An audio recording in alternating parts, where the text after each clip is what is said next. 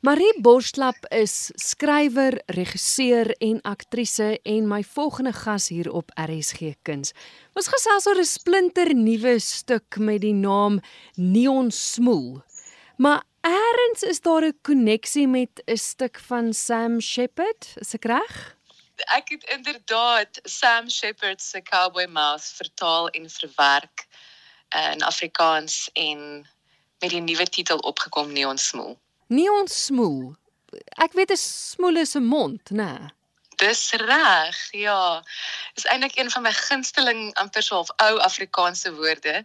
Mens gebruik dit seker hoofsaaklik in die konteks as mense nie noodwendig so baie van iemand hou nie, maar ehm um, weet jy cowboy mouse is so 'n moeilike ding om te vertaal want in die konteks van die play gaan dit oor die karakter Kaval wat verslim wat sy gevange geneem het en sy's besig om te probeer om hom in 'n rockster te transformeer. Ehm um, is daar 'n baie bekende monoloog waarin sy vir hom sê hy moet 'n rock and roll Jesus word met 'n cowboy mouth en ek het lank daaroor gedink en ek het ook nogal heelwat interteks na ehm um, Koos Du Plessis se sprokie vir 'n stadskind met die neonboog. Oh. En toe opgekom met die titel Neon Smoel want die die idee is dat hierdie karakter moet kan praat oor die goed wat nie noodwendig maklik is om te sê nie, maar wat nodig is om gesê te word. Daar's 'n baie komplekse verhouding tussen die twee karakters, Kawal en Slim. Dis inderdaad die geval. In Sam se oorspronklike teks sê hy ook reg aan die begin dat jy weet Kaval ontvoer vir Slim en sy het hierdie plan om hom nou te verander in 'n rockster maar dan ongelukkig raak hulle verlief. En soos ons almal weet as jy nou werk en liefde meng dan is dit nie so maklik om dinge uitgevoer te kry soos wat jy beplan het nie. Ehm uh, behalwe vir dit is daar ook 'n uh, element van ek wil amper sê uh die Stockholm syndroom. Ek is nou nie seker wat dit in Afrikaans is nie, maar waar jy verlief raak op die persoon wat jou gevange neem. Ja. En daar is daar's daar's daar's dit is nie regtig gedeur nie. Jy's vry om te gaan, maar dan besluit die persoon wat ontvoer is om te bly want daar vorm 'n snaakse band tussen hierdie ehm um, twee karakters en dis definitief ook die geval vir Kaval en Slim. Maar tog is daar 'n derde karakter ook. Dis korrek. Daar is hierdie derde karakter met die naam Kreefman in die Afrikaanse weergawe, oorspronklik 'n uh, eh, Lobster Man en ek het lekker met hierdie karakter gespeel Kristal want ek wou ook graag kommentaar lewer op wat op die oomblik in die wêreld aangaan ten opsigte van ons verafgod van influencers en en mense wat op sosiale media amper kultus Messias status ehm uh, bereik het as jy nou kyk na die tradisionele, jy weet Instagram followers en influencers en ek het vir Kreefman verander in 'n 'n influencer. So dis regtig nie heeltemal duidelik of Kreefman ooit regtig die twee besoek en of dit net 'n deel is van Slim se se droom om 'n meer persoonlike verhouding met met Kreefman te hê en ek dink ons kan almal daarmee vereenselwig want ons volg hierdie mense op sosiale media en baie keer omdat hulle so baie van hulle intieme lewe met jou deel, dink jy jy ken hulle. Maar jy is eintlik net een van duisende mense wat hulle lewens volg en ja, ek dink veral nou na die pandemie ook my groot vraag vir die stuk is waar sal ons hulp vandaan kom? En ehm um, Kreefman is 'n interessante karakter of sleutel om om daai vraag amper half op 'n dieper vlak te vra. Maar Marie, ek dink jy was so slim want jy het nie net 'n 'n teks gevat en hom vertaal en verwerk nie, maar jy het hom geplaas in in vandag se wêreld. Ja. Weet ek gestel dit was my ongelooflike oomblik van die misse wat my besoek het want ek het lank gedink oor ek is so uitgehonger om weer te werk en te skryf en jy weet aan die gang te kom maar mense is op 'n manier eintlik face-foos van die pandemie en jy wil nie daaroor skryf nie, maar ons is almal nog besig om dit te prosesseer op 'n manier. En mm. die rol van 'n kunstenaar is tog om dit wat in ons onmiddellike met met ons as 'n kollektief besig is om te gebeur, jy weet, onder die loop te neem. En toe op 'n dag dink ek net, "Oh wow, miskien moet ek Cowboy Mouth vertaal want dit speel af in 'n baie beknopte kamer. Dis twee mense wat vasgevang is in 'n in 'n wêreld en in hulle geval meer as een wêreld, jy weet, want hulle is heeltyd besig om drome te droom um, met die hoop om te ontsnap.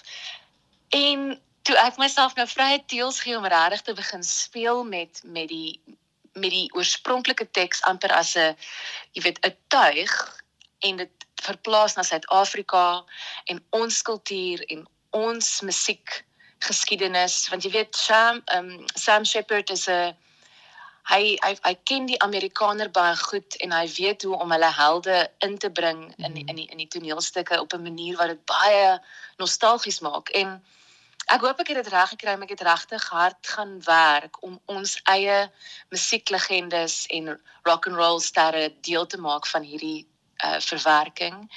En Ja, ek natuurlik ook lekker gespeel met al die goed waarmee ons elke dag moet deel. Eskom en die uh beerdkrag en uh soos ek reeds genoem het ook hoe sosiale media en en net tegnologie oor die algemeen ons persepsie van realiteit beïnvloed. Nou jy vertolk die rol van Kawal. Wie is saam met jou op die verhoog? Ek is in ongelooflike geselskap. Uh die jong akteur Ben Albertyn met wie ek nou al vir baie baie jare werk, het uiteindelik aan die begin van hierdie jaar besluit om weer terug te kom verhoog toe, maar ook televisie. Hy was onlangs in dinge van 'n kind en ek en hy speel teenoor mekaar as Kewal en Slim en dan natuurlik Gerard Rudolph wat geen bekendstelling nodig het nie, het ingestem om om Kreefman vir ons te speel vir vir hierdie vir hierdie toneelstuk. Ek wonder altyd eh, ek as regisseur, dit maak vir my heeltemal sin dat jy in jou eie stuk sal wil speel want jy dit verwerk. Dis so deel van jou en jy het 'n sekere prentjie van hoe die karakters moet wees. So dis soveel makliker as jy self dit dan speel. Maar ja, dit moet seker uitdagend ook wees om om wat op al drie stoele te sit. Jo, ek is so bly jy jy jy besef dit. Nie almal dink so daaroor nie, maar um, dit was 'n dit was 'n groot jy weet veral in die begin van die proses ehm um, uitdaging, maar ek was eintlik ook in dieselfde asem baie opgewonde daaroor want dit het my half geforseer om myself te druk om om op 'n manier te laat gaan. Jy weet, as 'n regisseur het mens uh jy weet, jy's nogal redelik ingestel op beheer en en 'n visie en al daai dinge.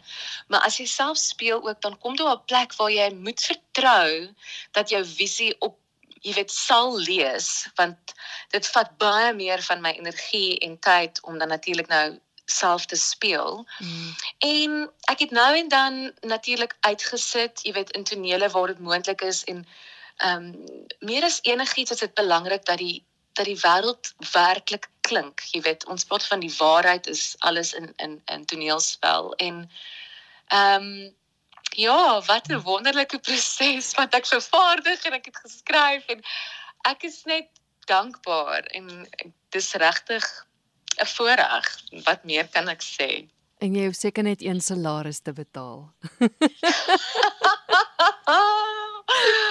ja, jong, ek vervaardig hierdie nou heeltemal uit um, op my eie stoom met my produksiehuis Manna Machine. Ehm um, ek het dit ook doelbewus gedoen want jy weet ek kon met Ben en en, en Gerard soof praat oor kom ons kom ons doen 'n jy weet 'n passie projek maar met die doel en die hoop om dit verder te kan vat aanvanklik. Mens dink altyd iets gaan minder kos as wat dit doen. Ja. Maar ehm um, ja, gelukkig hoef ek net een salaris indien enige salaris te betaal vir al daai baie rolle wat ek vertaal. Marie, ek wil ek wil gou by jou hoor, jy tree op by 'n nuwe teaterspasie? Dis korrek. Ehm um, dis nogal regtig opwindend. Daar's 'n nuwe, ek noem dit performance space in Kaapstad met die naam Toneelhuis. Dis 'n baie klein ruimte ek het met die eienaars Nardus Engelbreg en Lara Hatting 'n vergadering gehad nadat ek daar was vir 'n fotografie ehm um, sessie saam met Nardus en hulle gesê ek wil graag Nardus se uh, studio gebruik vir 'n toneelstuk in plaas van die ruimte wat hulle oorspronklik, jy weet, aangebied het vir vertonings. Mm.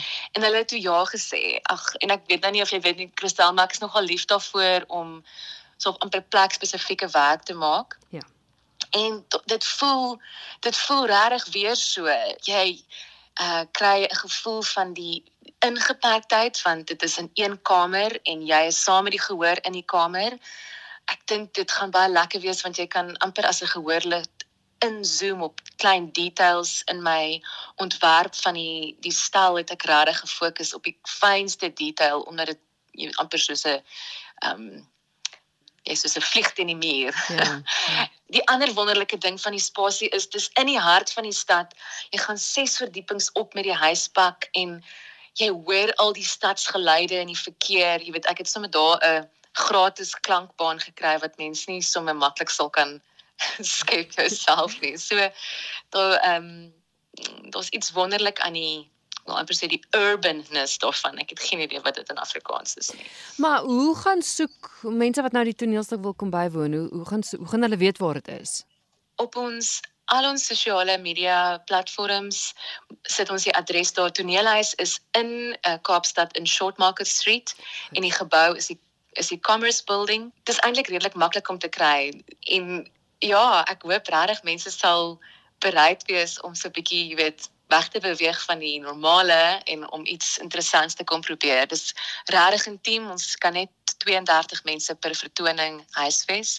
So daar's ook 'n gevoel van jy kan dit net saam met 'n klein groepie mense ervaar en ek hoop dit gaan vir mense spesiaal wees. Ja, dit klink fascinerend. Belangrikste datums, wanneer is julle te sien? Ons speel van die 9de tot die 17de September. Ons speel elke aand behalwe daai Sondag, ek dink dit is die 11de en kaartjies is beskikbaar by Webtickets en ons sien julle daar.